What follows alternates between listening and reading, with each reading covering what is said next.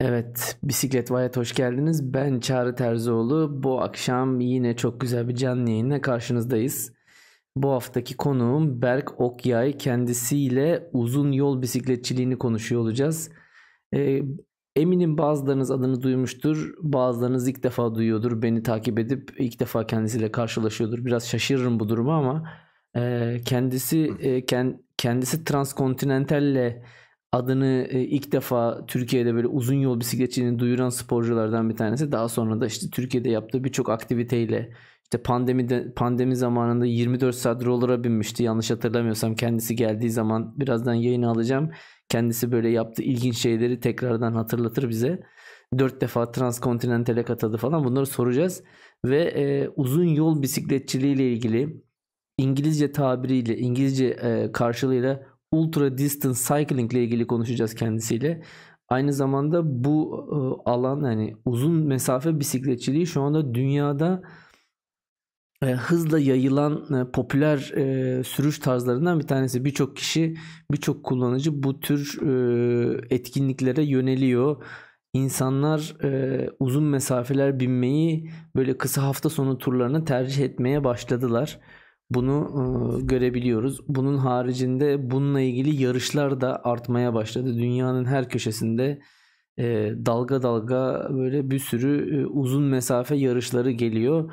Uzun mesafe yarışları dediğimizde böyle 1000, 2000, 3000 kilometrelik etaplı işte kendi başınıza işte destekli ya da desteksiz yarışlar. Bunların da detaylarını konuşuyor olacağız.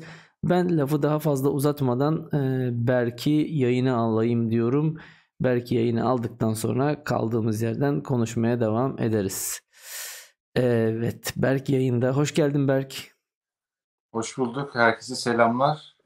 Nasılsın? Nasıl keyifler? Datça'dasın şu an. Aynen Datça'dayım. Sabah Marmaris'teydim. Datça'ya geçtim. Böyle bu hafta 3-4 gün işte buradayım. Sonra Marmaris'e geçeceğim falan. Hareketli bir hafta olacak. Ee, bu hafta e, yanlış bilmiyorsam neydi? Berk Okyay Sufferfest, Sufferfest miydi? Neydi kampın adı? Senin kampın adı? Ee, acı biber kampı. Ee, Berk e, yakın bir zamanda kendisi şimdi tarihlerini söyler e, bir e, kamp organize ediyor. Özellikle böyle enteresan sürüşler yapmak isteyen kendi içeriğini de anlatır bize böyle uzun keyifli sürüşler yapmak isteyen sporcular, bisiklet sporcular için bir kamp organize ediyor. Ee, onun için hazırlık amaçlı şu anda Datça'da buradan da Boost Camp'e bağlanacağını söylemişti bana. Ee, belki ben biraz seninle ilgili bilgi verdim. Ama kısaca böyle biraz kendinden bahset. Seni ilk defa seni ilk defa gören, seni ilk defa tanıyan biri için böyle 2 3 1 2 dakikalık bir kendini kısaca bisiklete nasıl başladın? Nereden çıktı bu ultra distance'cılık? Yani kimsin, ne yaparsın bunları bize biraz anlat. Ondan sonra e, akışla devam edelim. Tamam. Ondan önce kısa bir şey araya gireceğim. Ee, başta bahsettiğin e, konuyla ilgili hani pandemide 24 saat olur. Onu Sinan Kargı yaptı. Ha o Sinan'ın 12, 12 saat. Abi olsun. Roller'a 12 saat binmek de bir şey. Buradan Sinan'ı da anmış olalım. Ee, belki Aynen. bir gün onu da alırız. Ee, o yakınlarda şeye konuk oldu. Ee, Fatih'e konuk oldular bu kutupa yaptığı sürüşlerle ilgili. Ee, belki ileride onu da bu e, sürüş, onun da böyle enteresan sürüşleri var. Onu da kanala konuk alırız belki. Evet. Tamam. Ben şimdi biraz kendi hikayemi bahsedeyim kısaca işte. Bisiklete nasıl geçtim falan. Ee, bisiklet normalde hayatımda yoktu. Yani 2016 yılında hatta 2014 yılında e, YouTube'da bir video izledim. Bu e, 4 bölümlük böyle iki kişi işte ülkeleri geçiyorlar falan böyle. Sonra bu bunun bir yarış olduğu ort yani yarış ol yarışta bir e, video bu çekiliyor. E, bu çok hoşuma gitti benim. Sonra dedim ki 2016'da ben bu yarışa işte katılmayı kafama koydum. E, sonra işte bisiklete başladım. Ondan önce spor yapıyordum. Hayatımda spor vardı. Kürek olsun işte e, futbol olsun işte koşu vesaire. E, bisiklete başlamamın sebeplerinden bir tanesi de e, ayak bileğimi kırdıktan sonra futbol oynarken e, fizik tedavi sürecinde bir bisiklet hayatıma girdi yavaş yavaş sevdim. İşte sonra devamı geldi. İşte hepimizin işte bisiklete binenlerin Yani nasıl bağımlı olduğu gibi bende de öyle bir şey oldu yavaş yavaş. Ee, daha sonra ben bu yarışı araştırdım ettim. İşte transkontinental yarışı. Ee, işte bununla ilgili antrenmanlar yapmaya başladım. Ee, tabii hepimiz gibi ilk başta bisiklete başladığım zaman e, bilgi eksikliğimiz oluyor. E, tecrübesizlik diyelim. E, zamanla bunları kat ettim ve işte o yarışa dört kere katıldım. Daha sonra detaylarını yine anlatırım. E, bisiklet hayatımın bir parçası oldu. Hatta işim oldu. Öyle söyleyeyim. Şimdi oradan şuraya geleceğim. Sen hemen şöyle kendimi de alayım. Sen daha önceden grafik tasarım yapıyordun. Biz seninle tanıştığımız zaman sen grafik tasarım üstüne çalışıyordun. Hani böyle bisiklet sektöründe çalışmakla alakalı çok bir şeyin yoktu. Bisiklete binen bir insandın. Daha sonra mesleğin evet. mesleğin haline geldi ama hani buna da şey yaparız. Bu işte bisiklet aşkının insanı nereden nereye getirebileceği ile ilgili güzel örnekler bunlar. Şimdi şunu sormak istiyorum ben. Öncelikle ee, gerçekten ilk defa izleyenler için kısaca bize transkontinental yarışının ne olduğunu anlatır mısın? Mantığını anlatsan yeter işte e, ne oluyor ne bitiyor biraz onu anlat. Oradan şeye giriş yapalım. Oradan hani ultra distance uzun mesafe bisikletçiliği nedir'e transkontinentalle bir giriş yapalım. Sonra da neden bu yarışa 4 defa katıldın? Kendinin zorun neydi? Biraz onu konuşalım istiyorum. Tamam.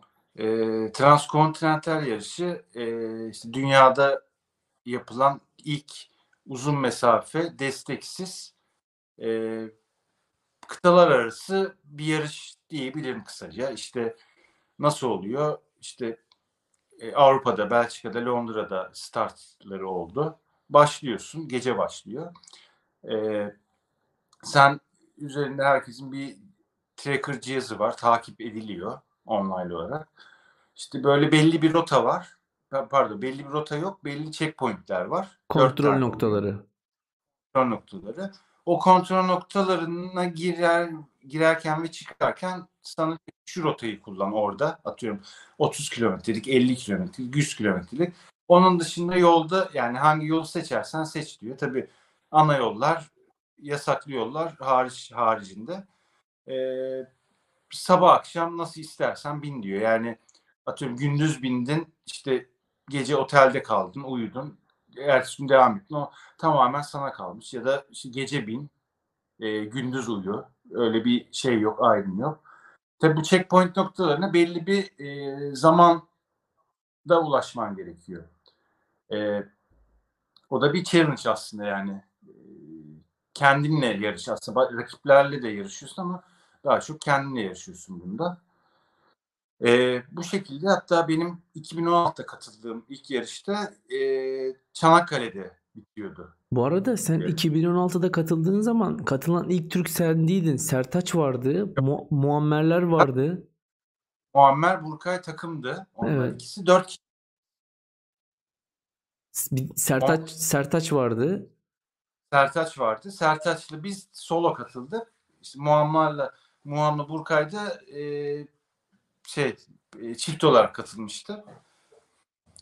E, onun öncesinde de şöyle e, tabii bisiklet tabii iki, iki sene dedim ya 2014'te hani aldım bisikleti bindim binmeye başladım. Biz sonra işte Sertaç'la tanışıp onunla antrenman yaptık aslında böyle işte atıyorum 300 kilometre 500 kilometre işte hani çıkalım işte gece de sürelim ki gündüz de sürelim o şeyi yaşayalım hani yarış çünkü bunu yaşayacağız.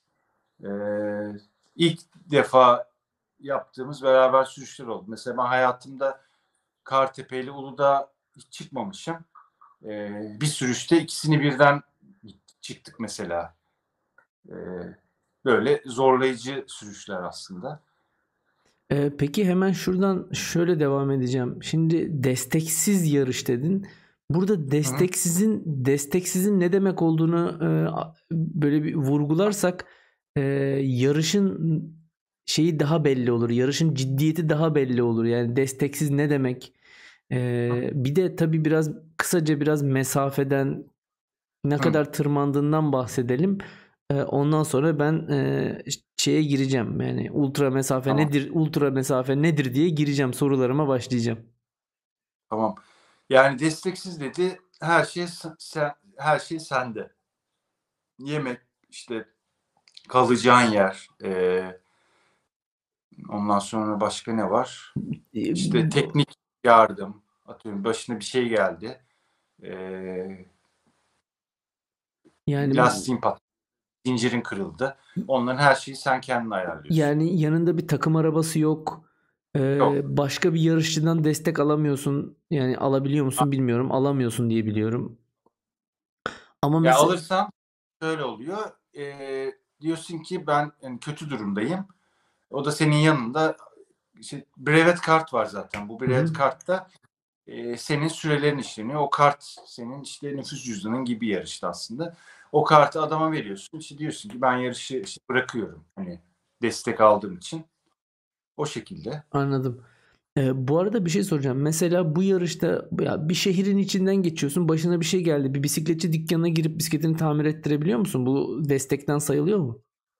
Ettirebiliyorsun. Şöyle. E, eğer araç kullanmıyorsan yani bisikletin bir şey başına geldi ama orada da hiç e, bisikletçi yok ve hareket e, gidemiyorsun bisikletle. E, bir araca binebiliyorsun. Bir araca binip e, bisiklet dükkanına gidebiliyorsun ama daha sonra kaldığın yere geri dönüp devam etmen gerekiyor. Hı, anladım. Yani ilk arıza yaptığın yere geri dönmen gerekiyor. O zaman şimdi bu transkontinental yarışı yaklaşık 14 gün süren böyle e, irtifayı yanlış bilmiyorsam böyle 50 binler falan değil mi? Hani böyle 4 bine 50 bin civarı ama tabii her sene bu işte aşağı yukarı 300-500 oynuyor. Ya seçilen seçilen rotaya göre kullanıcıların sürücülerin seçtiği rotaya göre böyle korkunç bir irtifa upuzun bir yarış yani günlerce süren 14 gün süren bir yarış hiç destek almadığınız bir yarış. Şimdi uzun mesafe bisikletçiliği böyle bir şey ama hani mesela bir, bir sürü şey uzun mesafe ya da ultra distance demek için yani bunun bir minimum kilometresi var mıdır? Yani atıyorum bunun minimumu 150 midir 200 müdür? Ultra distance evet. dediğimiz şey nereden başlıyor tam olarak? Ya bence ultra distance ya bir kilometre olarak hiç düşünmedim ama bence böyle bir yine 800 bin falan gibi düşünmek lazım. Hmm, anladım. Yani ee, şöyle. Ya tek günlük de yap yapabilirsin. Atıyorum tek günde mesela 300-400 yaptın. Ee, ama sürüşü bitirdin. Ya bunu işte atıyorum çıktın, işte gündüz sürdün, gecesine devam ettin. İşte tekrar bir gündüz daha geçirdin, bir gece daha geçirdin. Ee, aslında şöyle bir kilometre sınırı da koyamayız ya.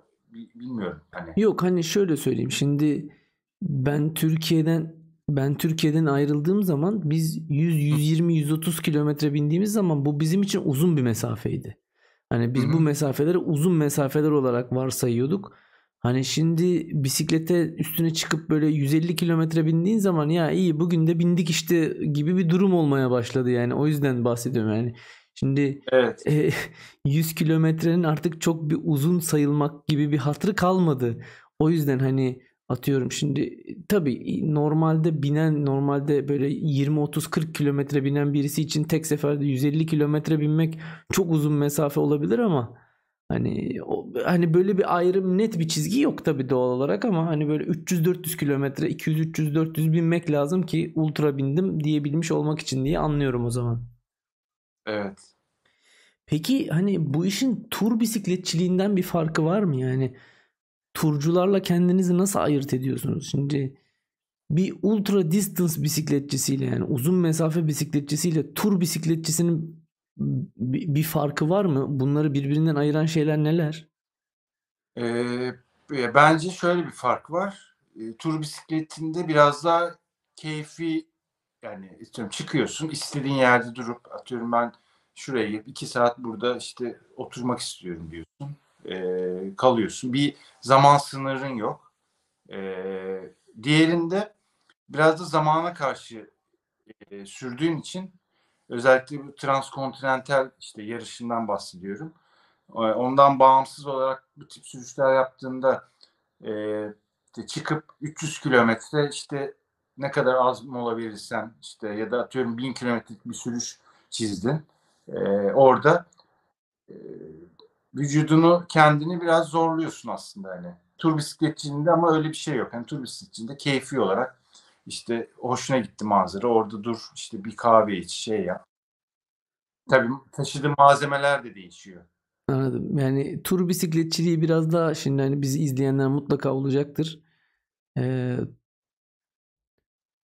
tur bisikletçiliği biraz daha kuşlar, kelebekler, çiçekler, böcekler aman manzara ne güzelmiş burada da ne güzel çay içilir formatında geçerken ultra mesafe bisikletçiliği biraz daha hani böyle performansın da ön planda olduğu ya hadi bu sabah 4'te başlayalım da akşam 8'de 200-300 çevirmiş olalım gibi bir e, mantıkla yapılan bir iş o zaman yani anladığım kadarıyla. Evet kesinlikle öyle. E, bu arada tur bisikletçileri de yani e, kolay bir iş değil. Atıyorum Evet. çıkıp işte 3 ay, 6 ay, bir sene e, bisikletin üstüne gitmek, o yükle 60 kilo işte belki daha fazla. O da ayrı bir kafa sonuçta. Hem mental olarak hem e, fiziksel olarak. Sonuçta orada senin hayatın orada geçiyor. E, tabii zaman. o bisikletin tepesinde bütün yani evini sırtında taşıyorsun. Öyle. Biz de böyle biraz da yani küçük evimizi e, sırtımızda böyle hızlı bir şekilde taşıyoruz.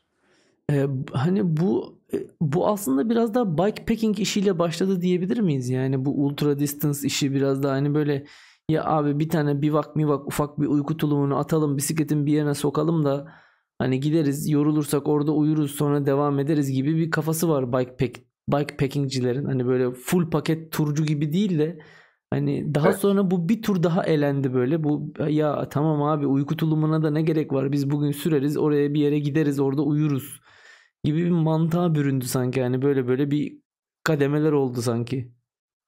Aynen. Şimdi tabii bu bikepacking çantaları çıktıktan sonra yani bisikletin aerodinamiğini bozmayacak şekilde işte orta kadro, sele arkası. E, tabii heybeler vardı önceden. İşte tur bisikletçilerin Hop. eee, bir dakika. Bir saniyeni alacağım Berk. Bir saniyeni alacağım. Bir sesin gitti. Şöyle bir ses verebilir misin? Sesin gitti şu anda ama sen beni duyabiliyor musun bilmiyorum. Senin sesin bir gitti. Bir saniye. Ben seni duymuyorum.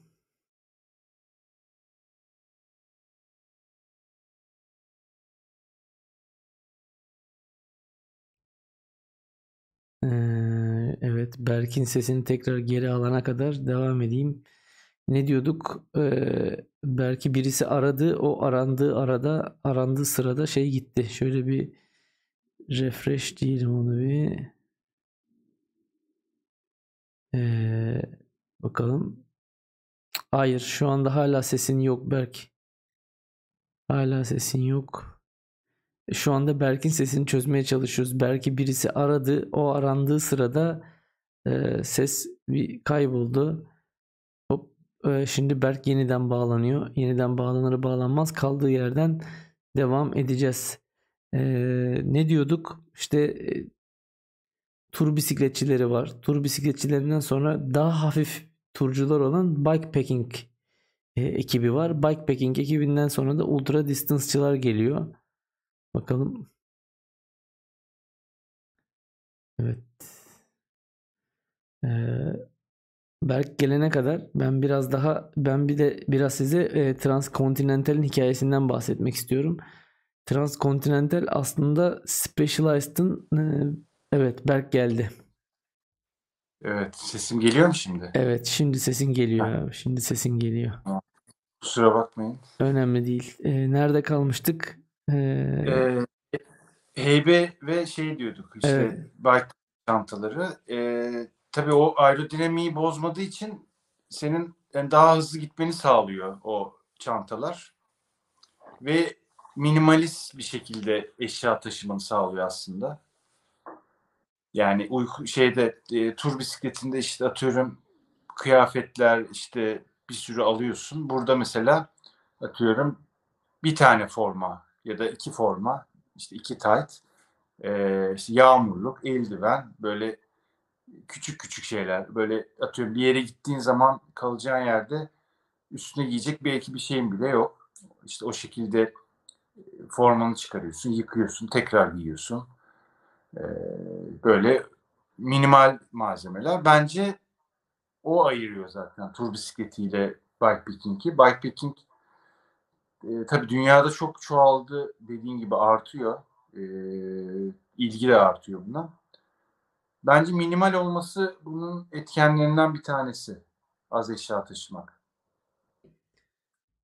Yani e, eşya taşı daha az eşya taşıdıkça mecburen e, hedefe daha hızlı varmak gibi bir ihtiyacını doğuyor. İşte hani işin perform evet. İşin performans tarafını getiren şey bu diye tahmin ediyorum. Yani işte hani belli hız şeyleri. Bunun çok güzel örneklerinden bir tanesi var. Yine Yasin yapıyor uzak uzak uzak sürüşleri. Hatta biraz daha böyle ciddi işte breve kartları geldi. İşte ne bileyim gidiyor önden rotaları çıkartıyor. Bazen kendi sürmüyor, arabayla takip ediyor. E, 200 fotoğraf, fotoğraf çekiyor 200-300 kilometreler falan keyifli işler. E, peki e, sence yani ya da sence demeyeyim de herkes uzun mesafe bisikletçisi olabilir mi? Yani uzun mesafe bisikletçisi bisikletçiliği herkesin yapabileceği bir şey mi? Neler neler gerekli ultra mesafe bisikletçisi olabilmek için? Ya öncelikle e,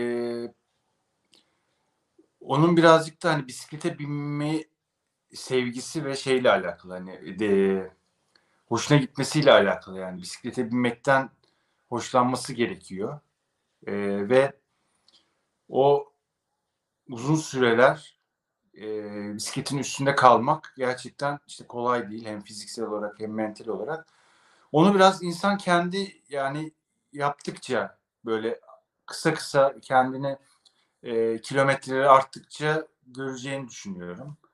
Tabii herkes de sonuçta sevmek zorunda değil yani. O farklı bir kafa, kafa e, mental olarak ve fiziksel olarak. Sonuçta bu yani kısa süreli yarışlarla bir bir şey değil. Orada sonuçta farklı bir performans sergiliyorsun. E burada bu performansı uzun bir süreye yayıyorsun. Ya benim için hani bu olayın hani en sevdiğim yönlerinden bir tanesi böyle e, geçtiğin yollar. Farklı yerleri görmek, işte doğanın içinde olmak. Bunlar beni motive ediyor aslında uzun sürüşlerde. Yani e, eğer bir kullanıcı işte bir, e, bir sporcu ya da bir bisikletçi bisiklete binmeyi gerçekten çok seviyorsa uzun uzun e, böyle sürdüğü kilometreleri yavaş yavaş arttırarak limitlerini zorlayarak kendini test edip uzun mesafe bisikletçisi olabilir mi olamaz mı? Ee, bunu test Kendi... ed- kendini test edebilir. Peki hani bunun şeyi var mı yani hani abi tamam ben zaten işte çıkıyorum biniyorum işte haftada bir iki sefer işte Bostancı Tuzla köfte yemeye gidiyoruz geliyoruz. Ama abi ben kafaya taktım önümüzdeki hafta bisikletle İzmir'e gideceğim deyip hani böyle e, hani hiçbir şey yapmadan böyle yapılabilir mi yani? Yapan mutlaka vardır da hani man, yapılabilir mi acaba yani? Yani yapılabilir aslında. Onları da bence ya, de, yapsınlar. Hani denemelerini e, yani denesin insanlar ama tabii burada güvenlik vesaire işte onlara dikkat etmek gerekiyor. Sonuçta işte uykusuz kalmak da bu işin parçası. Ee, böyle çılgınlıklar yapsın insanlar tabii ki de. Ee, belki kendisinden beklediğinden daha fazla bir yani daha büyük bir başarı elde edecek. Onu bilemiyor. Bilemez. Yıl, yıl kaçtı ya? Şeyi hatırlamıyorum. Sen Duygu'nu hatırlarsın. Duygu'nu evet. biliyorsun. Duygu'nun bir tane arkadaşı vardı İzmirli. Ee, bir, bir yerden adını bulacağım, çıkartacağım. Şu anda aklımda yok ama e, Serkan'ın bisiklet sepeti yoktu o zaman. Kaçkar bisikleti vardı. Kaçkar bisiklet de Kızıl Toprak'taydı. Sen o zamanlar muhtemelen o zamanlar hatırlamıyorsundur ya yani. Yok bu, ben bisikletle alakam yoktu o sene. Bu, bu hani bayağı eski İstanbul'dan İzmir'e gidiyordu. İzmir'den İstanbul'a geliyordu bisikletle. Aha. Hani böyle ve hani şey işte bir günde gideceğim işte şu kadar saatte gideceğim diye hani bu söylediğim tarihler 2010'dan öncesi tarihler bu arada. Hedef koyuyordu o zaman. Tabii tabii 2010'dan 2007'ler, 2008'ler, 2006'lar falan o zamanlardı yani. Hani böyle şu kadar sürede gideceğim ve bunu yapmak için sponsor falan arıyordu o dönemlerde yani. Ee, şeydi hep böyle böyle binen ve o zamanlar tabii yol bisikleti falan bulmak çok zor. Dağ bisikletiyle yapılıyordu bunlar. Dağ bisikletine şivalbe maraton düz lastik takıp yani böyle üçlü ayna kol falan hani öyle bisikletlerle yapılıyordu. Ee, ama hani dediğim gibi burada şey önemli. Ee, bugün sünnet yarın deniz gibi hani böyle başlayıp ya işte zaten biniyoruz. Ben abi bisiklete bindim. Bir ay oldu başlayalı ama ben bu hafta işte ne bileyim Ankara'dan Kayseri'ye gideceğim falan hani gibi böyle şeyler e, yapılabilir yapılamaz değil ama tabii dikkat edilmesi gereken konular var. Yani e, tabii ki fiziksel olarak kendinizi tabii ki fiziksel olarak kendinizi sakatlama imkanınız var. Yani hani bu işi evet. bir anda başlarsanız, bir anda çok zorlayarak başlarsanız kendinizi sakatlayabilirsiniz. Bu işin ayrı bir tarafı ama e, bunun için hani en doğrusu bir antrenman yaparak bir, bir şekilde antrenmanla buna başlamak. Peki böyle bir şeyin antrenmanı nasıl yapılır? Yani hani tamam mental olarak dedik ki abi ben uzun kilometre bisikletçilik yapmak istiyorum. Ben uzun uzun çıkacağım, gideceğim, oraya gideceğim, buraya gideceğim, şunları yapacağım, bunları yapacağım gibi bir sürü kafamızda şey var. Bunlar için kendimizi nasıl hazırlamalıyız yani? Şöyle ayıralım. Ee, hani önce fiziksel olarak nasıl hazırlanmalıyız hazırlanmalıyız bir e, konuşalım. Ondan sonra işte rota nasıl çıkartılır, nasıl beslenilir, hangi ekipmanlara ihtiyacımız var. Daha sonra da bunları konuşalım istiyorum. Hı hı. Ee, şimdi fiziksel olarak aslında teknik bir şekilde e, antrenman programı yapabilirsin. Ee, ya ben öyle yapmadım açıkçası. Böyle dur oturup da işte benim işte şu kadar e, saat 12 süreceğim, şu kadar saat şey yapacağım. Ben tamamen e, kendimi dinleyerek yaptım bunu. E, bunun için e, antrenörlerle mesela çalışılabilir. Böyle yapanlar var yurt dışında da hani daha başarılı olmak için. E, o yüzden onunla ilgili ben mesela şey yapamam. Hani teknik bir bilgi veremem. Hani şu antrenmanı yapmalısın, işte şöyle sürmelisin diyemem. Onu biraz da antrenörle çalışıp onun kontrolünde yapmak daha sağlıklı olur. O Veya... zaman o zaman sorumu biraz daha şöyle özelleştirsem. Ee, mesela Sertaş'la demiştin ki ya gece biniyorduk, gündüz biniyorduk, 300 biniyorduk, 400 evet. biniyorduk. Yani hani e, bu tarz şeyleri nasıl yapması lazım? Yani mesela çıkıp 300 mü binmeli? Atıyorum şimdi mesela hedefi etkinlik için 300 kilometre mesela şimdi maraton koşacaksan maraton antrenmanı sırasında hiçbir zaman 42 kilometre koşmazsın. Hani 30 koşarsın, 35'ler koşarsın. Kimse sana git 40 koş demez. Antrenör de demez. Maraton evet. antrenörcü mesela bu gibi ultra sürüşlerde mesela 300 kilometre binmekse hedefin ya çıkayım da bir 300 kilometre bineyim şeklinde bir antrenman yapılıyor mu? Nasıl oluyor? Mesela şeyi hatırlıyorum ben Muammer'le Burkay'ın Marmara turu yaptıklarını hatırlıyorum mesela. Marmara'nın etrafını dönmüşlerdi. Evet. 700 küsür kilometreydi sanırım o. Evet. Ee, ya şöyle tabii 300 hedefin 300 ise mesela e, 200 yaparsın. O da tabii yavaş yavaş. Yani bir anda 200 değil de işte önce atıyorum yeni başladın. İşte biraz 50-60 sonra 100'lere çıkıyorsun. Sonra işte 150, 200. Ee, o yaptıkça zaten dediğim gibi 300'e kadar çıkıyor. E, devam ettirmek için de e, 400-500 e, yavaş yavaş yaparsın. Burada önemli olan bence şu e, çünkü atıyorum 500'ü zaten hani sabah çıktın akşam dönüş diye bir şey yok. O sabah çıkacaksın e, devamı gece geceye bağlanacak. Ertesi sabah belki daha da devam edecek. Orada kendini hani uyku olarak e, nasıl hissedeceksin mental mental dışında fiziksel olarak yani uyku problemini çözmek için e, bu tip antrenmanları tavsiye ederim. Hani gündüz çıkıp gecesinde de devam etmek. Biraz daha biraz daha hedef etkinlikteki sürüş koşullarına benzer sürüşler yapmaktan evet. bahsediyoruz o zaman. Evet kesinlikle. Yani atıyorum transkontinentale katılacaksın. Abi ben sabah çıkıyorum işte akşama kadar 300 sürüp geliyorum. Gece hiç sürmüyorum. Ya o yanlış bir şey çünkü orada 7 de sürmek zorundasın. Hmm, evet. Christoph Allegard değilsen çünkü adam e, biliyorsun işte o 4000 kilometreyi 7 7 8 günde bitirdi. Ee, O günde 2 saat falan uyuyordu. 2 saat bile değil ya böyle 40 dakika bir Daha- aynen. hani böyle bir de onun şeyi var ya kaskını çıkartıyor saçlar taralı falan böyle yapılı enteresan bir abi. Bir de öğretmen değil mi o? Öğretmen evet. Belçikalı. Yaşı da yani 40 50'ye yakın bir yaşı var. Rahatsız bir Evet. abimiz yani. Aynen. Tabii dünyada o Christoph'tan sonra çok e, genç yani daha ondan daha genç insanlar da e, çıktı. Bu en son hatta bu bu seneki transkontinentali bitiren Alman adam ilk defa hayatında böyle bir yarışa katılıyor. Ama adam e, dünya 24 saat e, şampiyonu. Yani 24 saat boyunca hiç durmadan bisiklete binen e, abiler var yani. Var evet. Daha şeyler de var.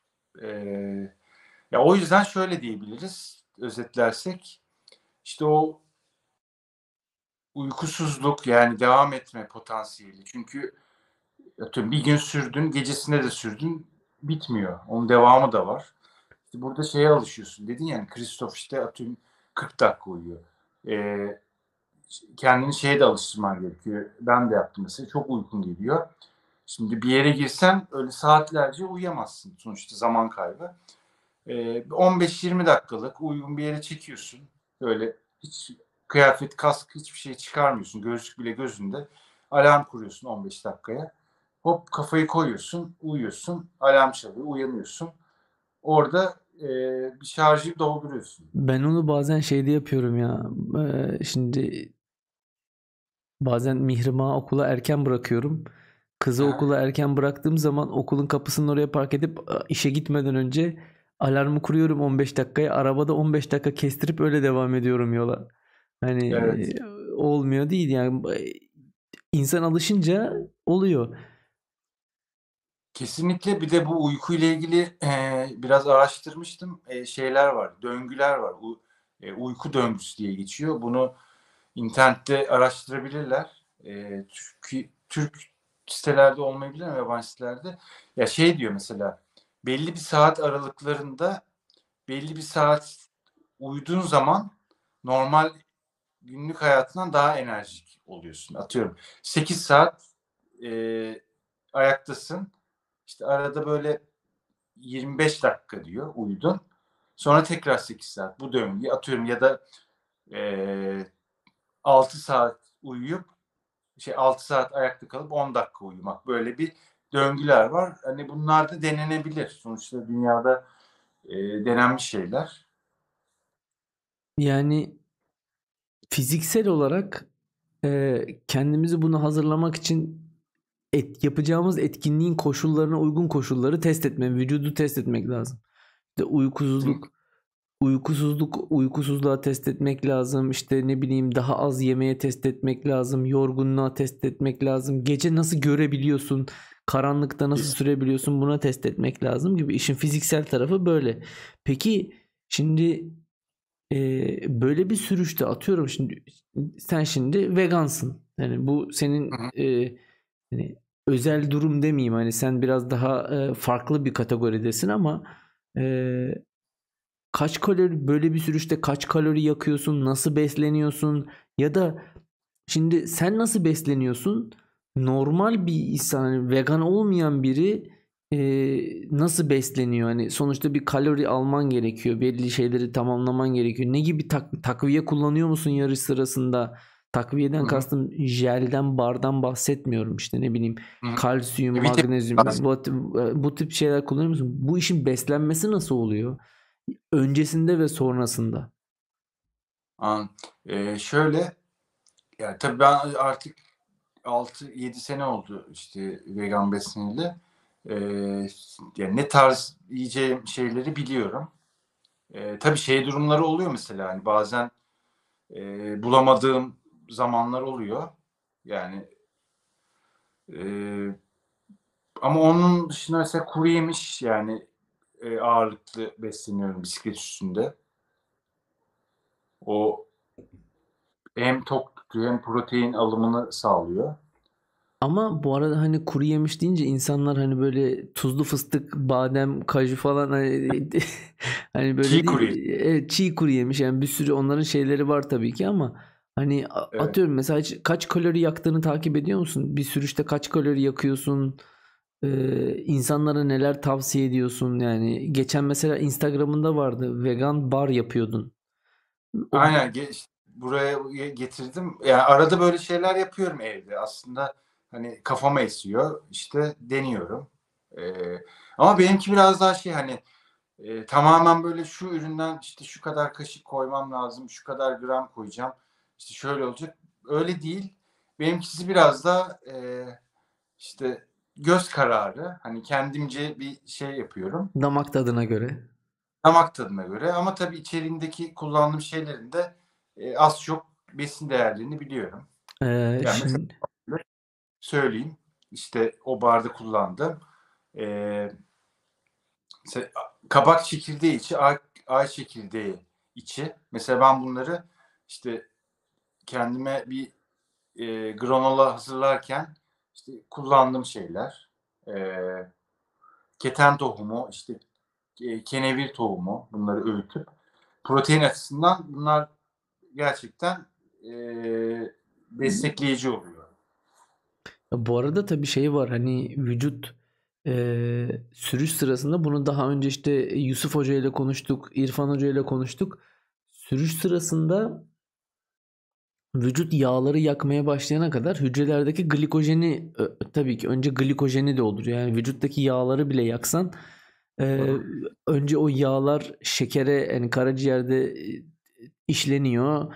İşte glikoza dönüşüyor. Hücrelere geliyor. Hücrelerde glikojen depoları doluyor. Onlar tekrar yakılıyor. Bu döngü başlayana kadar sen glikojen depolarını boşaltıyorsun. Bu yüzden e, belli bir şey, belli bir miktar karbonhidrat sürekli alıyor olman lazım. Ama bunun haricinde vücut yıprandığı için e, vücudun tamiratı için belli vitaminleri alman lazım. İşte e, protein alman lazım. Bunları da sürekli alıyor olman lazım. Bunlar tabii ki kişisel.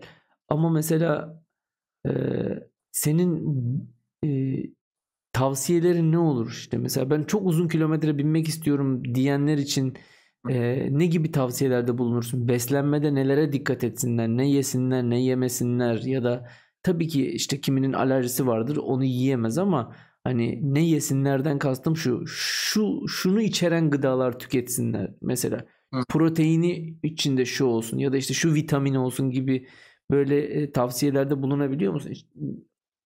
Ee, şöyle söyleyeyim. Biraz vücudunu aslında terbiye ediyorsun. Bunu e, zamanla. Ama tabii ki de ben şeyi mesela tavsiye etmiyorum. Sürüş sırasında işte oturup böyle ağır yemekler e, ve çok fazla yemek yememek gerekiyor. E, çünkü hazmetmesi zor oluyor. Vegan beslenmenin e, artılarından bir tanesi de o sürüş sırasında e, yani bir et yediğin zaman vücut onu yedin diyelim eti işte molada devam ediyorsun. E, devam ederken vücut içeride onu sindirmek için ekstra bir çaba sarf ediyor aslında. Yani senin yola vereceğin gücü orada sindirmek için harcıyor. E, ama vegan beslendiğin zaman e, bu tip şeylerden ya bu tip şeyleri yemeyip işte atıyorum tabii vegan beslenirken de protein alımına dikkat etmen lazım. Yani mesela Türkiye'de e, aslında kolay çünkü işte lokantalar var gidiyorsun işte nohutu fasulyesi işte bulgur pilavı e, işte mercimek çorbası e, vesaire e, bunları alabiliyorsun ama yurt dışında tabii daha zor bunları bulmak zor oluyor. E, Yani O yüzden mesela o onları yediğin zaman e, vücut sindirmeyi azalttığı için yani yormadığı için senin enerjin de düşmüyor. o zaman şöyle mi özetlemek lazım? Sindirmesi kolay, e, vücutta ağırlık yapmayacak şeylerden tüketmek lazım. Yani sindirimi kolay vücuda size ağır hissettirmeyecek şeyleri yemek lazım. Onun haricinde de biraz e, sık sık yiyip azar azar yemek lazım belki de. Kesinlikle evet. Yani vücudu aç bırakmaman lazım. Böyle işte atıyorum ben acıkmadım deyip işte e, devam edersen e, Acık- bir yerde o kır kır acıktığın zaman işte geç olmuş oluyor. Geçmiş olsun. Geçmiş olsun. Vitamin olarak da mesela işte magnezyum e, işte elektrolit tarzında şeyler mesela e, sürüş sırasında alabilirsin.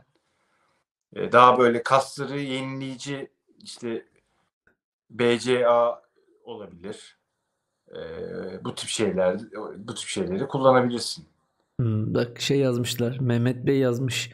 Yurt dışında kuru fasulye işine giriyoruz yazmış bir tane. Vallahi neden olmasın. E, bu arada Burhan Bey sormuş. Hani buna e, ben hani soruyu atayım. Belki ilerleyen hani video e, bölümün sonuna doğru konuşuruz. Transkontinental'in Türkiye versiyonunun organizasyonunu düşünmüyor musunuz demiş yani. To- Türkiye içinde transkontinental. Bunun muhabbeti çok olmadı mı ya Türkiye'de böyle bir şey yapalım diye. Kimse kimse kalkışmadı ama. Ya ona benzer şeyler yapıldı aslında böyle bir uzun mesafe şeysi ama hani sürekliliği olmadı onun. Ee, Vallahi ya organizasyon bu. Ya, biraz organizasyon işi. Benim bildiğim bir Osman abi var. Osman Şirin e, böyle sürekli oradan oraya şehirden şehire böyle e, hani rekor peşinde koşan bir abimiz Aha. var. Hani e, en çok hani böyle organizasyon tarzı bir şeyler yapan ama onun haricinde ben de görmedim. Ama çok konuşulduğunu biliyorum. Neden yapılıyor, yapılmıyor, neden olmuyor gibi e, bir muhabbeti olduğunu biliyorum. Herhalde Türkiye'deki yol ve trafik koşulları bunun en büyük sebeplerinden Kesinlikle. birisidir diye tahmin ediyorum. Yol güvenliği. Evet yol güvenliği çok önemli. Ee, ilk aklıma gelen şey o gerçekten yol Şimdi güvenliği. o zaman yol güvenliği demişken hemen şu soruyla devam edelim. Ee, rota nasıl çıkartılır? Yani atıyorum ben 300 kilometre binmek istiyorum. Ee, rotayı nasıl bulmalıyım? Hangi araçları kullanmalıyım? Mesela sen rota çıkartırken mesela şimdi Datça'dasın abi.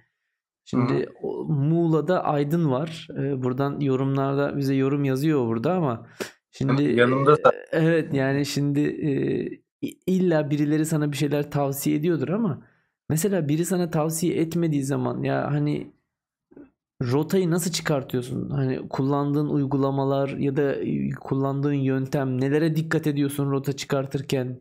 Nelerden kaçınıyorsun, neleri tercih ediyorsun gibi böyle bir bir checklist var mı elinde? Ee, yani var. Bahsedeyim kısaca. Türkiye içinden bahsediyorum bu arada şu anda. Evet. Türkiye ile transkontinental yarışı rotası tamamen çok farklı. Orada biraz daha hani yarış odaklı olduğu için eee, daha farklı yollar seçiyorsun. Türkiye'de abi şöyle oluyor. İşte ben şuraya gitmek istiyorum diyorum mesela. Eee işte belli programlar var. İşte Strava var, Komoot var, eee Right GPS var. Eee, bunlardan farklı farklı aynı rotayı çiziyorsun. Yani bakmak için. Ee, onun dışında da Google Maps'te altın adam var biliyorsun. İşte at- attığın yeri görüyor falan. Ee, daha çok e, yine ana yol ama ana yol ama tek gidiş gidiş mesela. Yani zaten Hmm. ba- bazı yollarda alternatif olmuyor. Ee, oraları seçiyorum genelde. İşte tırmanışa bakıyorum birazcık. Ee, tırmanışta kilometreyi dengelemeye çalışıyorsun. Bizim ülkemizde sonuçta şeydi yani dümdüz bir yer olmadığı için illa tırmanıp iniyorsun. Ama mesela tırmanış şöyle yapayım. Mesela hani e, rotada mesela atıyorum illaki tırmanıyorsun ama mesela tırmanış miktarını belirlerken tercih ettiğin bir yöntem var mı? Ya işte bugün bugün 400 kilo 300 kilometre bineceğiz.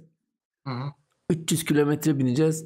Hani bu sürüş biraz da hızlı bir sürüş olacak. Tırmanışı az olsun ya da işte e, insanlar çok tırmanışı mı tercih etmeli yoksa az tırmanışı mı tercih etmeli? Bunlar arasında tercih yaparken böyle bir e, bir şey var mı? Ee, aslında yok. tamamen işte rotaya bakıyorum. Ee, böyle ilerliyorum, ilerliyorum. Sonra bakıyorum az tırmanış çıkmış. İşte altında diğer yola sokuyorum. Orası nasıl diye bakıyorum. Ee, orada daha çok tırmanış var mesela. Onu seçiyorum. Bu tamamen şeye bağlı. Ee, tabii şey de yapıyorum. Hani o bölgenin e, araştırmasını da yapıyorum Google'da. İşte aratıyorum. E, nasıl bir yer, neler var. E, Türkiye'de birazcık öyle çıkartabiliyorsun rotanı aslında. Yani yine şeye geliyoruz. Biraz daha kişisel tercih olmakla beraber yokuş çıkabiliyorsanız, yokuş çıkmakla ilgili sıkıntınız yoksa rota tercihi biraz daha kolay olabilir gibi geliyor bana yani. Evet, bazen şey oluyor mesela rota çiziyorsun böyle tırmanışlı. Ee, ama rota derken şey diyorum lan ya bu kadar tırmanış niye koydun? yani. Ben bu rotayı çıkartırken neredeydim acaba? Kimin gazına geldik gene? Bir de kesinlikle şey de yapılmalı. Alternatif seçenekler de olmalı. Mesela rota çıkarttın. E, onun bir bir yerde alternatif yol da çıkarman gerekiyor ki atıyorum e, o yolda sıkıntı var ya da işte dediğim gibi daha az tırmanmak istiyorsun. Hemen oradan oraya koy, kayabilirsin. Anladım yani hani böyle acil bir durumda kaçılabilecek en azından bir ya da iki alternatif rota daha aklında olmalı. Peki sen bu rotaları sonra işte mesela ben şeyi kullanıyorum. Ride GPS kullanıyorum. Ride GPS gibi bir şeyden e, işte Vaho ya da Garmin cihazına indirip öyle mi takip ediyorsun? Nasıl yapıyorsun? Evet, öyle yapıyorum. Ya işte nerede yaptıysam Strava, Komoot, Ride GPS e, şey atıyorum Garmin'e. Sonra sürüşü aç diyorsun. O şeyi takip ediyorum. E tabi rotayı önceden biraz da e, çalışmak gerekiyor. Hani e, kaçıncı kilometrede neresi neresi var falan. E, ki kendini fiziksel ve mental olarak ona göre hazırlıyorsun. Yani ya ben mesela genelde şey tercih ediyorum ya. Hani böyle şu kilometrede yokuş varmış, burada bilmem ne varmış diye onu bilmek bazen beni strese sokuyor. Çünkü yokuşa gelmeden önce şey oluyorum hani bir Allah'ım yokuş geliyor ne yapacağım falan. Onun yerine mesela hani e, rotadaki hiç elevasyonu görmeden gitmek bana daha mantıklı geliyor bazen. Ee, o yüzden e, tabii ki herkesin Yani- yaklaşımı farklı. Evet, şey de aslında enteresan olur. Mesela e, hiç rota çalışmadın, çıktın yola. İşte bak o, o, o anda neresi hoşuna giderse oraya gidiyorsun. O da bayağı maceralı bir şey olur. Ee, Yani yo- yola- yolun ortasında yolun ortasında ya şurası da güzele benziyor acaba buradan mı gitsem onun yerine deyip döndürebiliyorsun yani. Evet, hiç yapmadım ama hep yapmak istediğim bir şey bu. Ha bu da bir şey oldu. İtiraf itiraf.com. Evet, yani hep diyorum hani bunu yapayım ama hiç yapmadım. Ya tabii şimdi hani öbür tarafı oturuyorsun, çalışıyorsun, planlıyorsun. Ee, doğal olarak hani bir yerden sonra da bazen işte gidip o, o başka yolu değiştirip sonra o yolun yarısından geri dönüp orijinal rotaya dönmek zorunda kalmak da var yani hani Tabii işin o ucu. da var. Evet. Şimdi Ya öyle tabii şey yap bu arada hani rota yapıp işte e, ya biraz da tadını çıkartarak yapıyorsun aslında böyle. Biraz şey gibi değil de hani kendini kapatıp işte şimdi şunu yapmalıyım ben öyle yapmıyorum. E, hani rotayı çıkartıyorum. Tamam zor tırmanış var. Ama e, yani kafama istiyor mesela işte hani şey yapmıyorum. Duracağım yerleri önceden belirleyip şurada şu kadar duracağım şunu yapacağım. Öyle bir, bir şey yapmıyorum yani. O da Peki. yapılır. Peki mesela rotaya çıkarken ya şurada bakkal varmış, şurada market varmış. Bunları tabii doğal olarak bunlar rota çıkartmanın e, aşamalarıdır diye tahmin ediyorum ya. Hani e, bunları biliyorsundur hani. Evet. Türkiye'de ama zaten e, genelde olduğu için hani Anadolu'da gitsen de bir yerde market işte benzinlik falan oluyor ve açık oluyor. Avrupa'da sıkıntı bu. Ee, biraz da şeyden bahsedeyim kısaca. Yani transkontinentale ki rotayı nasıl çıkartıyorsun? Ee, orada e, checkpointler var demiştik. Belli checkpointlerin rotaları var. Oraya gelene kadar ki yol sana ait. Ya orada da aslında şöyle genelde e, mesela Avrupalılar işte bisiklet yolu var ya Avrupa'da bisiklet yolundan da gidebiliyorsun. E, genelde orayı kullanıyorlar. Çünkü güvenlik açısından. Ama biz İstanbul'da yolda bisiklete binmeye alıştığımız için e, orada ben ana yolları seçiyorum Rahat mesela. bize bize, bize rahat batıyor abi. Yani orada ana yolları seçiyorum. Daha hızlı gidebilirsin. Ee, yani bisiklet yoluna girmek çok sıkı gerçekten.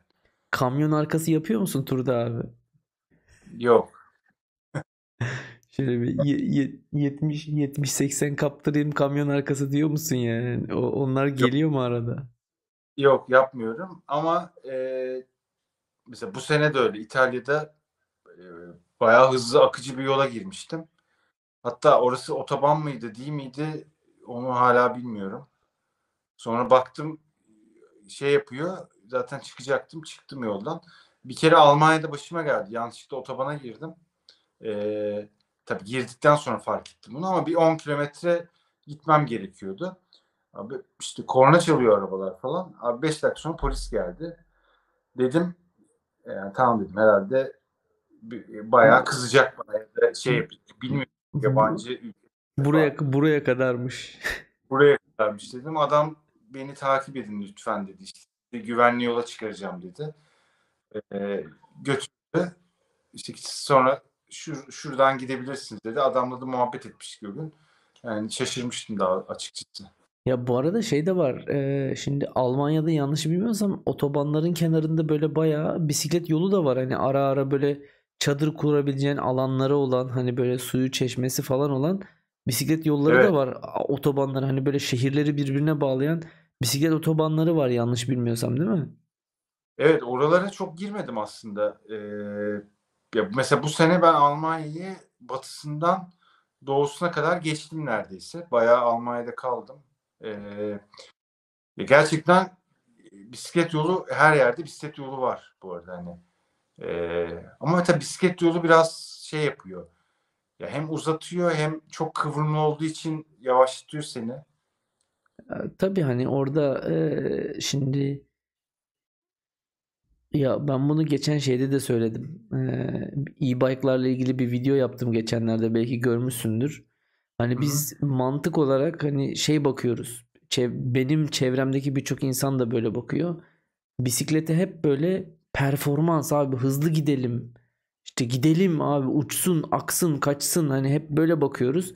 O yüzden mesela böyle biraz rota yavaş olduğu zaman ya da işte ne bileyim a elektrikli bisikletmiş. Aa bu bisikletin tekeri bir şöyleymiş. Bu bisiklet hızlı gitmezmiş ama şey var. Adamların oradaki o yolu yapmaktaki mantığı seni bir yerden bir yere emniyetli götürmek, hızlı götürmek olmadığı için Evet. ee, hani sen o şehirden şehire bisikletle gitmek istiyorsan oradan git işte yani hani şey mantık farklı onu demeye çalışıyorum yani bizim e, e, Tabii bir de alıştığımızdan o, farklı. E, bisiklet yollarının tabii manzara yani ormanın içinden geçiyor işte böyle e, keyifli aslında ama tabii bir transkontinental yarışı için e, bence uygun değil. E tabii tabii yani hani çünkü orada gerçekten şey var işte o e, maksimum süre 14 gün değil mi? Yani 14 günde bitirmen gerekiyor resmi olarak bitirmiş evet, olabilmek ya, için. Değişiyor ama yaklaşık 14-15 gün işte böyle o şeyi almak. Anladım. Bitirmek. Bitirme şeyini alabilmek için bitirdim resmi olarak bitirebilmek için bir süre var yani sonuçta o süreyi tutturman gerekiyor. E, 4000 kilometreden bahsediyorsun. Hani günde e, 300 plus kilometre 300 300 kilometreden fazla binmen gerekiyor her gün. Ortalama. Evet. Evet. Peki gelelim ee, biraz daha işin teknik konularına. Şimdi biraz beslenmeden konuştuk, rotadan konuştuk, antrenmandan konuştuk. Ya böyle bir sürüş yapmak için nasıl bir bisiklete sahip olmak lazım? Yani şimdi tur bisikleti tur bisikleti o ayrı bir şey. Yani tur bisikleti işte çok kilo taşımak için daha sağlam kadrosu var. Çok bagaj bağlamak için bir sürü bağlantı yeri var. İşte ne bileyim freni biraz daha farklı, vites oranları farklı. Tur bisikleti, tur bisikleti o ayrı bir şey. Aslında hazır böyle demişken bir tane de bir turcu bulalım. Ee, aslında aklımda biri var ama onu yakalamak biraz zor. Bir turcu ile onu konuşmak lazım ama e, uzun mesafe bisikletçileri için ideal bisiklet nasıl bir şeydir yani ne nasıl bir bisiklet almak lazım? Sen çünkü ben seni hatırlıyorum bir ara bir Kinesis'in vardı. Ondan sonra Cannondale vardı. Yanlış hatırlamıyorum değil mi? İlk bana Cannondale ile gelmiştin. Neydi? Evet, 50 kadroydu bir de. Ha, hani Cannondale'in vardı, Kinesis'in vardı. Yani böyle bir sürü bisiklet değiştiriyorsun. Şimdi artık işin de o. O yüzden de biraz bisiklet değiştiriyorsun. Ee, nasıl bir bisiklet olmalı? Hani şeyden markadan bağımsız bahsediyorum. Yani e, insanlar böyle şeyler yapmak için temelde bir bisiklette neler araması lazım? Nasıl bir nasıl bir bisiklet olması lazım? Ee, ilk olarak şöyle diyeyim. Yani kesinlikle bu işi yapmak için bir endurance tarzında bir bisiklet gerekiyor. Ya yani endurance'dan kastımız zaten işte e, uzun mesafeleri daha konforlu e, üzerine daha konforlu geçirebileceğimiz bisiklet diyebiliriz kısaca. E, çeşitli markaların var. E, işte karbon, çelik, titanyum arasında e, ya ben çelik kullanmadım. Alüminyum, e, titanyum, karbon kullandım. E, bana göre titanyum daha konforlu mesela. Endurance bir titanyum bisiklet diyebilirim ben. Anladım. Yani işin e, püf noktası. Anladım. Ya burada tabii şey hani e, endurance bisiklet demişken işte biraz daha e, tekerlek iz mesafesi biraz daha fazla olan işte Hı. yüksek hızda daha dengeli alın borusu yüksek üst borusu kısa hani biraz daha konfortif ama performanstan da çok ödün vermeyen bisikletler işte ne olabilir Cannondale Synapse olabilir Trek Domane olabilir işte Giant'ın Defisi olabilir DeFi, evet. DeFi nasıl çağırıyorsan. İşte Scott, Scott'un eskiden Solace'di, e, şimdi Addict'i Endurance diye çağırıyorlar bilmiyorum. Hı hı. Bir sürü markanın böyle Endurance bisikletleri var. İşte Canyon'un Endurance diye bir modeli var adı üstünde. Hani evet. e, hani böyle bir sürü bir sürü markanın e, bu ta, bu tarz bisikletleri var. Ama mesela işte ne bileyim bagaj deliği şart mıdır? Bagaj deliği olması şart mıdır bisikletin? İşte sen çok bindiğin için soruyorum. Disk fren disk fren gerekli midir yoksa işte ne bileyim jant freni yeterli midir?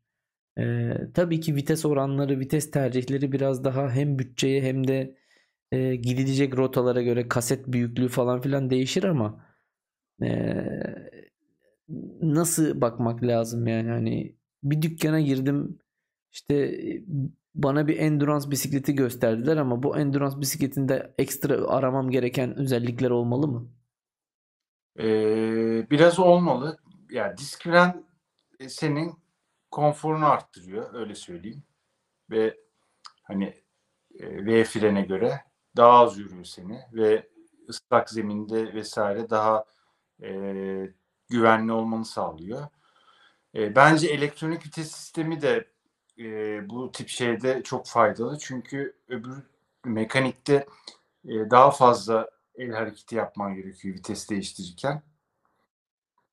E, onun dışında işte e, sele işte sele sele borusu ve gidonunun da e, bu özelliklerde daha konforlu olması gerekiyor bisikletin dışında. Yani o darbeyi daha sönümleyen ee, öncelikle tabii fit, fit yani o fite hiç girmiyorum. Fitin e, orası bambaş... uzun orası uzun hikaye.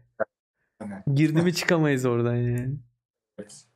Ya kısaca böyle bahsedebilirim. Ee, o bagaj deliklerinin olmasına gerek yok. Dediğim gibi bikepacking çantaları e, cırtlarla zaten bisiklete bağlıyorsun.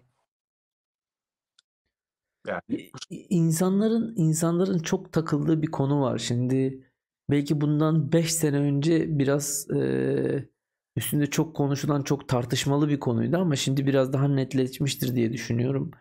Mesela bundan 5 sene önce işte disk fren mi V fren mi dediğin zaman abi disk fren başına bir şey gelirse yolda tamir ettiremeyiz. Balatası biterse bulamayız falan gibi durumlar oluyordu. Hani şimdi disk frenin balatası da kolay bulunuyor. Neredeyse her bisikletçi artık hidrolik fren e, tamir ediyor. E, ta, her evet. e, her bisikletçi hidrolik fren tamir ediyor gibi bir durum var. senin başına böyle şeyler geldi mi yani? Hani mesela ya hidrolik fren işte ya da disk frenle ilgili sıkıntılar yaşadın mı? Çünkü çok tecrüben var. Şimdi 4 defa transkontinental dediğin zaman bir 16-17 bin kilometre bunun üstüne bir de tırmanışı katarsan 150-200 bin metrede tırmanış demek yani bu 4 kontinental. Bu kadar hani bindiğin zaman hani böyle hidrolik mesela çok tartışmalı bir konu olduğu için söylüyorum. Ee, hidrolik frende sıkıntı yaşadığın oldu mu? Yani ya da keşke hidrolik frenim olmasaydı dediğin bir yer oldu mu? Hmm, yani hiç yaşamadım aslında. İlk sene e, kullandığım fren sistemi şeydi hatır, hatırlarsın belki. Mekanik Böyle, Avid miydi? Me, e, hidroliğe dönüştüren e, sistemdi. Yani kollar mekanik ama alt tarafta e, hidrolik oluyordu. Hı. Zaten yanında yedek balata almıştım. Yani her her seferinde zaten yedek balatam vardı. İlk sene mesela balatalarımı bir tık değiştirmiştim. Onu hatırlıyorum. Ama daha sonraki senelerde e, hiç balata değiştirmedim. Anladım, anladım. Yani e, bir de Çok şu, sıkıntı. anladım. Bir de şöyle bir şey var. Ee, şimdi o kadar uzun yola çıktığınız zaman insanların yanın, yanında taşıması gereken e, yedek parçalar var, alet edevatlar var. İşte minimum olması gereken ekipmanlar gibi şeyler var. Hani hani artık mesela rim brake yani jant freninin balatası disk fren balatasından daha çok yer kaplayan bir şey. Bu iki kere iki dört. Evet.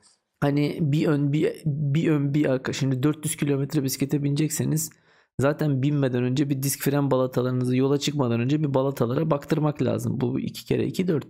Onun haricinde de yani hani çantanın ufak yani bir orta boy bir çantanız varsa şöyle ya da large size bir sel altı çantanız varsa çantanın bir kenarına bir takım ya da iki takım bir tane disk fren balatası sokuşturuverirsiniz. Bir şey olmaz yani disk fren balatasını değiştirmek çok problem değil. O zaman şöyle devam edelim. Ee, yine e, konudan konuya çok bak çok güzel bağlıyorum. Hemen disk fren, balata. Buradan şeye geleceğim. Yanımızda olması gereken ekipmanlara ne taşımalıyız? Neler almalıyız falan. Hani şimdi bak güzel bağlam güzel bağlıyorum konuları birbirine bu akşam. Tamam güzel bağladın. İki saniyeni rica edeceğim. Tabii Geliyorum ki. hemen. Tabii ki. Şimdi Berk hemen orada Berk gelirken ben size şöyle bir iki bir şeyler daha söyleyeyim. Ee, şimdi e, tur bisikletçiliğinde gerçekten bu çok tartışmalı bir konu. E, disk fren mi, jant freni mi, hangisini kullanmalıyız, neye göre kullanmalıyız gibi. Şimdi disk fren doğal olarak e, daha fazla imkan tanıyor ama şimdi mesela Türkiye'nin içerisinde bir yerde bir tur yapıyorsanız artık her yerde bulursunuz. Afrika'ya gidiyorsanız o ayrı bir şey. Yani Af dünyanın bir ucuna gidiyorsanız, Peru'ya gidiyorsanız ya da işte ne bileyim Mozambik'e falan gidiyorsanız tabii ki e, yedek parça bulmanız zor olabilir. O zaman jant freni mantıklı bir çözüm olabilir ama e, artık devir disk fren devri. Berk geldi belki geri aldın hemen. Şarjım azalmıştı da bağladım ha, şimdi. Eyvallah eyvallah tamamdır. Fazla şarj. evet eyvallah. O zaman şöyle nerede kalmıştık? Demiştik ki e, hangi ekipmanları taşımalıyız? Yani yanımızda neler olması lazım? Ya biz ben bugün abi sabah çıkıyorum yola. Yarın 300 kilometre bisiklete bineceğim. Ee, yanına sen neler alıyorsun? Onlarla başla. Şeyi saymıyorum. Beslenme olarak taşıdıklarını saymıyorum. Yedek malzeme Tek- ve ekipman o. Teknik ekipman. Teknik ve şey olarak. Şu 300 kilometre üzerinden konuşuyoruz? Ya 300 kilometre 300 kilometre olması şart değil yani. Tabii ki hani şimdi İstanbul içinde 100 kilometre bindiğin sürüşle İstanbul dışına çıktığın bir sürüş fark ediyordur muhtemelen ama Hani kendince böyle uzun mesafe dediğin bir yola çıktığın zaman sen yanına neler alıyorsun bunlardan konuşalım. Yani sen tamam. kendince uzun mesafeye çıktığın zaman yanına neler alıyorsun onlardan konuşalım. Tamam. Bir defa bence kesinlikle e, kadronuzun bir yedek kadro kulağı o, olması gerekiyor. e, ondan başlayayım. e, zincir baklısı, e, ter, benim taşıdığım şeylerden bahsediyorum şu anda. Ee, mesela ben şimdi tubeless kullanıyorum. Ee, ne olur ne olmaz uzun o dediğin mesafelerde bir iç lastik ve işte tubeless yama seti olabilir ya da böyle işte hem sıvı hem hava e, veren ürünler var. Mesela Makof'un BAM diye bir modeli var. Burada o üründe tavsiye ederim. Gerçekten kullandığım başıma geldi. E, o onu taşıyabilirsin. Ee, Ee, gördüğüm her yerde de tavsiye ediyorsun bu ürünü zaten. Gözümden kaçmadı yani. Makof Bam diye her yere koyuyorsun yani. Aynen biz mağazaya da aldık bu arada. Ee, yani insanlara da söylüyorum çünkü şey hani bunun muadilleri de var. Zefalin falan da varmış. Hiç kullanmadım da. Ee, gerçekten işe yaradığını gördüm. Onun dışında e, şimdi dış lastik tabii taşımazsın şeyde 300 kilometrede. Hani biz lastiğim yarılır vesaire gibi. Ee, artık lastiğin yarılırsa hani iç lastikte takamayacaksın. O artık senin şanssızlığın diye. Ya hani belli bir dış lastiğin yarılırsa belli bir yere kadar içine para falan katlayıp koyduğun zaman bir yere kadar seni götürür ama hani böyle Evet. affedersin de böyle hani karnıyarık gibi açıldığı zaman lastikte ona yapacak bir şey yok yani. Hani o artık taksi, Aynen. otobüs, e, otostop artık ne geliyorsa geliyorsa. Zaten öyle bir şey başına geliyorsa e, devam etme zaten. Var bir yerden bir sinyal geliyor sana yani. Gitme diye. yani. aynen. E, onun dışında işte üst olarak mesela hava tam bilemiyorsundur. Yağmur yağacak mı? Belki yağıyordur bir yerlerde gibi şeyler e, oluyorsa bir yağmurluk, ince bir yağmurluk. işte ayak, ayakkabı kılıfı olabilir. E, taşıyabilirsin. Ya tabii hani şimdi bir de şöyle bir şey var. E, gittiğiniz kilometrenin e, Pardon. önemli değil. E, bakıyorum. gittiğiniz kilometreye göre e, şey de değişir. Mesela şimdi İstanbul'dan çıkıp İstanbul Kart İstanbul Kartepe Uludağ gibi bir hani böyle 2 2 HC'li 2 yüksek tepeli bir rota yapıyorsan yüksek tepelere yüksek tepelere çıktığın zaman ne yaparsan yap e, hava koşulları değişiyor. Yani şimdi çıkarken terliyorsun, inerken rüzgar yiyorsun. Bu gibi koşullarda yanında bir rüzgarlık olması her zaman bir avantaj yani. Hani bunun için havayı kestirmemeye, kestiremiyor olmaya gerek yok. Şimdi sen e, sürüşte çok yüksek irtifa çıkacaksan ve bu irtifadan sonra iniş yapman gerekiyorsa e, bir zahmet bir tane yanına bir yelek rüzgarı önleyecek bir şey almak lazım ki ciğerleri üşütme diye. O, o ayrı bir şey. Kesinlikle. E, bu arada bir şey soracağım. Sen şey dedin, e, tubeless dedin abi hani e, tubeless'li hani ne kadar memnunsun abi? Hani Dur. E, e, geliyorum hemen. tamam. Şey koymadı da. Eyvallah. e, Kablo gitmiyor da. Şöyle o bakana kadar ben devam edeyim. Yani işte yani ben o kadar uzun kilometreler bilmiyorum ama mesela İstanbul dışına çıkacağı, çıkılacağı zaman mutlaka ve mutlaka yanıma işte bir yama seti, bir iç lastik. Ben şahsen tubeless sevmeyen kullanıcılardanım. Bir yama seti, bir iç lastik. Ee, ondan sonra e, gerekiyorsa e, mutlaka iki tane levye. Eğer karbon jant kullanıyorsam üç tane levye alıyorum. Onun haricinde eee, işte karbondioksit tüpü ve pompa alıyorum. Önce karbondioksit tüplerini kullanmayı tercih ediyorum. Soğuk havalarda pompa ile uğraşmak zor geldiği için Berk geldi. Berk'i tekrardan geri alıyorum. Evet, nerede kalmıştık? E, kıyafet tavsiyesi diyordun. Yelek dedik. Başka neler? Başka ne geliyor aklına? Geliyorum bir dakika hemen şunu takayım. Tamam. Kablo geldi. Hemen e, pit stop. E, Evet. Berke pit stop yapıyoruz. Ben bu arada Hasan Ersoy'un sorusuna cevaplayayım. O kadar kilometrede transkontinental için zincir ne yapılabiliyorsun? Bir şey yapmak gerekir mi? Valla 4 bir kere zaten transkontinental gibi bir yarışa gitmeden önce zincirinizi ve rublenizi eğer üstünde çok kilometre varsa bana sorarsanız değiştirmeniz gerekiyor. Ve e, yarışa gitmeden hemen bir gün önce değil de böyle bir hafta falan önce değiştirip zincir ve rublenin birbirine alışmasını sağlamak lazım. Zaten 4000 kilometre yarışacaksanız da başınıza bir problem gelmediği sürece yani zincir kırmadığınız, zincir kopartmadığınız sürece e, Yarış sonunda yarıştan gelince de o zinciri yarış hatırası olarak söküp bir yerde saklayabilirsiniz diye tahmin ediyorum. Ben bu zincirle transkontinental yarışmıştım. Bu rubleyle transkontinental yarışmıştım diye. Yani o kadar kilometre o kadar tırmanıştan sonra o zincir ömrünü tüketecektir. Ee, zaten hani normal bir kullanıcıysanız işte 3-4 bin kilometrede bir e, zincirinizin boyunu mutlaka kontrol etmek lazım. 0.75'ten daha uzun daha fazla uzadıysa e, değiştirmekte fayda var. Evet sanıyorum ki Berk'in e, bu sefer şarjı çözdük abi. Çözdük abi taktım. Ee, kurtardık. Eyvallah eyvallah. E, tubeless diyorduk abi. Evet abi şimdi e, Transkontinental abi ben dört kere gittim. E, üçünde iç lastikli gittim. Bu sene tubeless gittim. E, iki, ilk iki sene e, lastik patlatmadım bu arada. E, o birazcık şansla da alakası var sonuçta. E, bir kere bir kere dış lastik yırıldı benim. E, iç lastik varken. Orada da işte yama yaptım. Devam ettim. Tubeless'tayken de mesela hiç patlamadı. Ya da patladıysa bile sen fark etmedin. Olabilir. Fark etmemiş olabilirim. Ki hani gerçekten bu yarışta şeye giriyorsun yani böyle e, bazen kafan kadar taşların olduğu işte yollara giriyorsun. Orada diyorsun ki ya burada lastik patlayabilir diyorsun.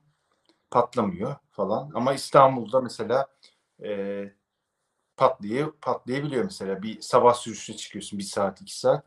İşte hatta geçen gün başıma geldi bilmiyorum sen e, çok paylaşmadım da e, işte sabah sürüşündeyiz. Narcity'yi biliyorsun. Evet evet biliyorum. Abi orada inerken 60'da bir, bir, bir şey oldu böyle pat dedi. E, ne olduğunu şaşırdım. Neyse arka tarafı topladım. E, bayağı da tehlikeliydi aslında. Bir baktım arka lastik ve ön lastik tubeless ikisi de gitmiş, yarılmış. Arka jant patlamış daha doğrusu yani. Öyle bir çukura girmişim ki. Aa, bayağı kötü olmuş yani. Evet. Yani geçmiş olsun abi. Aha. Ee, şeyi var işte patladığını anlamıyorsun. Ee, işte ufak delikleri kapatıyor. Ee, onun dışında mesela patlıyor ama lastik bazen bir anda inmiyor. Yavaş yavaş iniyor. İşte duruyorsun. Biraz lastiği çeviriyorsun. O sıvı orayı kapatıyor. Hava basıyorsun. Tekrar devam. İşte hiç tutmuyor diyelim. Makof'un bombını orada basıyorsun içine. Basıyorsun o kapatıyor. Ama tabii bunlar için yani bu, sadece bunlar yetmiyor. Tubus'ta biraz da şey gerekiyor. Yani e, atıyorum sıvını kontrol ettirmen lazım. Yani atıyorum sıvıyı bastım ben atıyorum bu beni bir sene götürür ya da hiç kontrol etmezsen o sıvı kuruyabiliyorsun. Götürmez. Bununla ilgili e, bir tane e, tubeless, tubular, iç lastikli lastikleri anlattığım bir tane video var kanalda. E, merak ha. edenler bununla ilgili detaylı bilgiyi orada bulabilir. E, peki son olarak şuna değinmek istiyorum. Şimdi ekipman olarak ne dedik? Yanımızda işte ne bileyim levye lazım, yama lazım, Hı. iç lastik lazım. Yani böyle etaplı birkaç günlük bir yere gitmiyorsak iç dış lastiğe gerek yok ama e, belki çok uzun kilometre yapacaksak birkaç günlük belki bir dış lastik taşınabilir. Çantamızın evet. boyutuna göre. Zincir baklası dedin abi. Zincir baklası mantıklı. Hani bu zaten evet. yeni zincirler böyle Powerlink'le çalışıyor çoğu. Powerlink taşıyabilirsiniz. Baklaya bile gerek yok. Böyle evet. düzgün bir düzgün bir alyan anahtar seti, e, güz, güzel bir pompa. E, ben şey kullanıyordum. Benim bir tane pompam vardı. Hem karbondioksit hem de el hmm. pompası. Yani ikisini atıyorum iki tane tüp taşıyordum. İki tane tüpleri hmm. o karbondioksit pompasıyla kullanıyordum ama karbondioksitin bitse bile o pompayla hala lastiğimi şişirme imkanım oluyordu karbondioksitim olmasa bile. Yani pompa hmm. iki pompa ikisiyle de çalışıyordu. Hem el pompası olarak hem de karbondioksit hmm. pompası olarak. Evet. Ee, peki abi hani son bir, bir iki soru daha soracağım. Ee, yolda nelere dikkat etmek lazım? Yolda nelere dikkat etmekten kastım ya işte e, işte nerelerde nerelerde durmak hani senin tecrübelerine dayanarak söylüyorum. nerelerde durmak daha emniyetli? İşte ne bileyim orman içine mi gitmek lazım mümkünse yoksa daha çok ana yollarda mı kalmaya çalışmak lazım? İşte ne bileyim e, köylere işte ne bileyim e, köylerden geçmek lazım mı yoksa atıyorum ıssız ıssız yollardan kaçınmak lazım mı? Hani böyle te- tecrübelerine dayanarak yolda nelere dikkat edeceğimizle ilgili bir, bir şeyler de paylaşabilir misin? E, tabii. E, şimdi Türkiye'de başımıza gelenleri de anlatayım aynı zamanda bununla ilgili. Olur, şahane E, olur. Emrah'la iki sene önceydi sanırım. Bir buradan işte Antalya'ya işte şey yaptık, plan yaptık, rota yaptık. İşte bugün buraya, ikinci gün şuraya bilmem ne derken e, Denizli tarafına gidiyorduk böyle gece saat 2-3 falan. E, işte köyün birinden geçiyoruz böyle. Ama bir anda bir tane siyah transporter böyle yanımızdan geçti. E, hop ileride durdu, sağa çekti falan. E, biz devam ettik. Böyle kimsenin olmadı. Yani köyden çıktık. İşte ileride başka bir köy var. Ama o arada işte ıssız yol. Ee, sonra tekrar adamlar yanımızdan basarak geçti. Bize böyle el hareketleri falan yapıyorlar, ediyorlar. Ee, tabii biz dedik hani durmayalım. Ee, devam edelim. Bu adamlar indi işte üç kişi böyle. Biz bisikletin üstündeyiz ama hani hareket halindeyiz böyle. Şey işte sarhoşlar belli şey yapmışlar. Bize bulaş bulaşmaya çalışıyorlar. Ee, tabii orada sakin kalmak gerekiyor. Yani durup adamlarla tartışacak ya da işte kafa tutacak halin yok. Ee, bir şekilde dedik bizim gitmemiz lazım dedik. Gittik. Ama tabii arkadan gelip e, yine sataşabilirdi o adam. O yüzden e, her şey gelebiliyor başına aslında. Bunun şeyi yok. Hani e, şu yolu seçtim işte, e, kesinlikle güvenli diyemeyiz. Orada sen zaten risk almış oluyorsun o yola çıktığın zaman hani gece sürüşlerinde gündüzde olsun.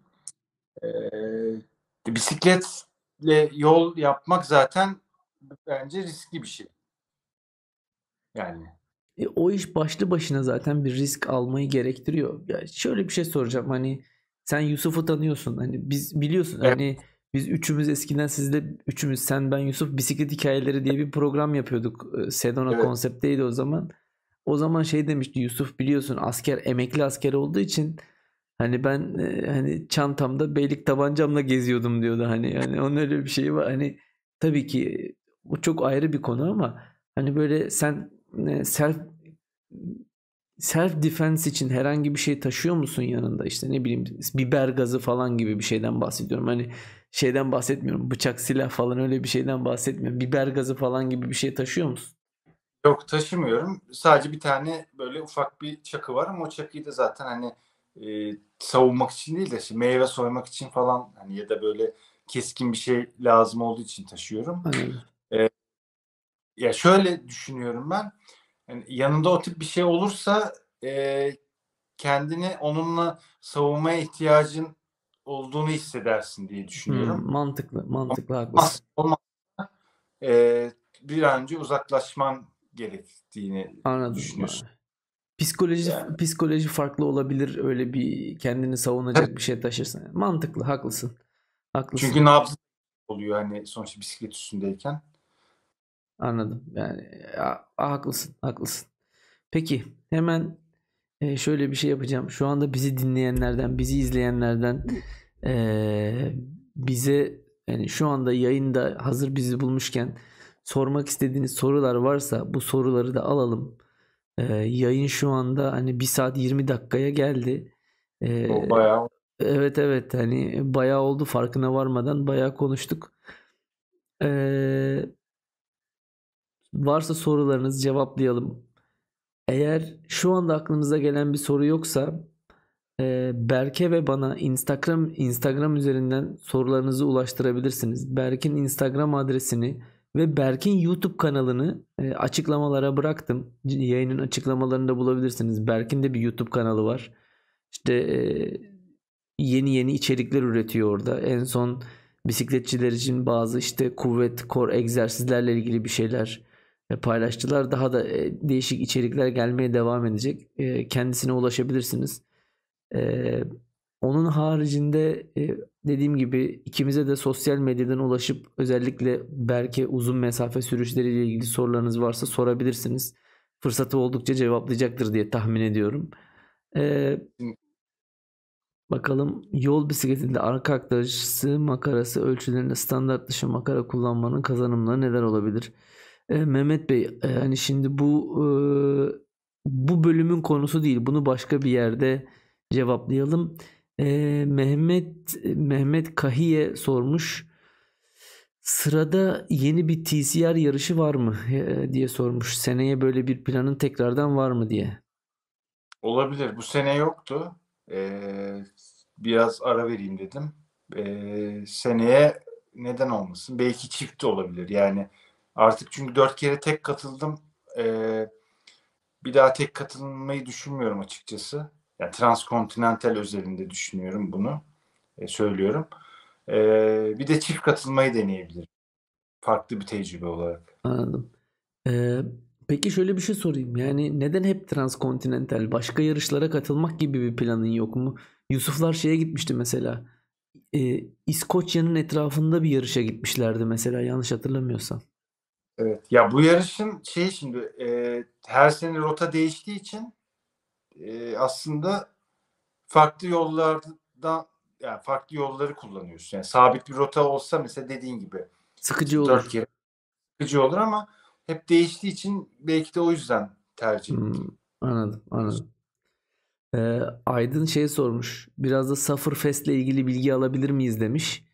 Şöyle yapalım. Ben seni ekrana yalnız vereyim. Sen bize biraz e, kamptan ve Sufferfest'ten bahset. Ondan sonra da e, bir buçuk saate geldik. Herkese iyi akşamlar dileyelim. Yavaştan yayını e, bugünlük kapatmış olalım. Tamam. E,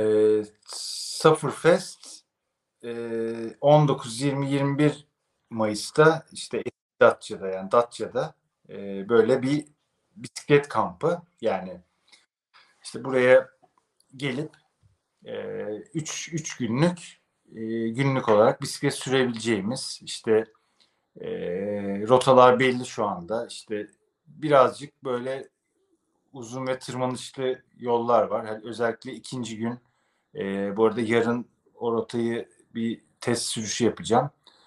E, süreceğimiz işte araç destekli yani yolda işte e, fotoğraf video çekimi işte yeme içme imkanı bulabileceğim. Böyle beraber keyifli e, zaman geçirebileceğimiz. Akşamda gelip e, burada butik bir otel burası. İşte yemeğimizi, şarabımızı iç böyle kendi çevremizde takılabileceğimiz bir kamp aslında. Zaten bir 20 kişi falan e, sınırı e, koydum e, ilk başlangıç için. E, işte tabii sıcak da olacak. Mayıs'ta Datça sıcak olabilir Mayıs sonunda. Bu da o şeyin bir parçası aslında. Hani e, acı biberin diyeyim. Acı biber logosu çünkü. Eyvallah. Hemen bir soru daha var. Barış Özdemir sormuş. Uzun tur bisiklet uzun tur bisikletçiliği gelecekte nasıl olacak? Yani biliyorsun hani bisiklet teknolojileri hızla gelişiyor işte. Yani işte frenler değişiyor, jantlar değişiyor, yollar değişiyor, elektrikli bisikletler geliyor falan bir sürü bir şey oluyor.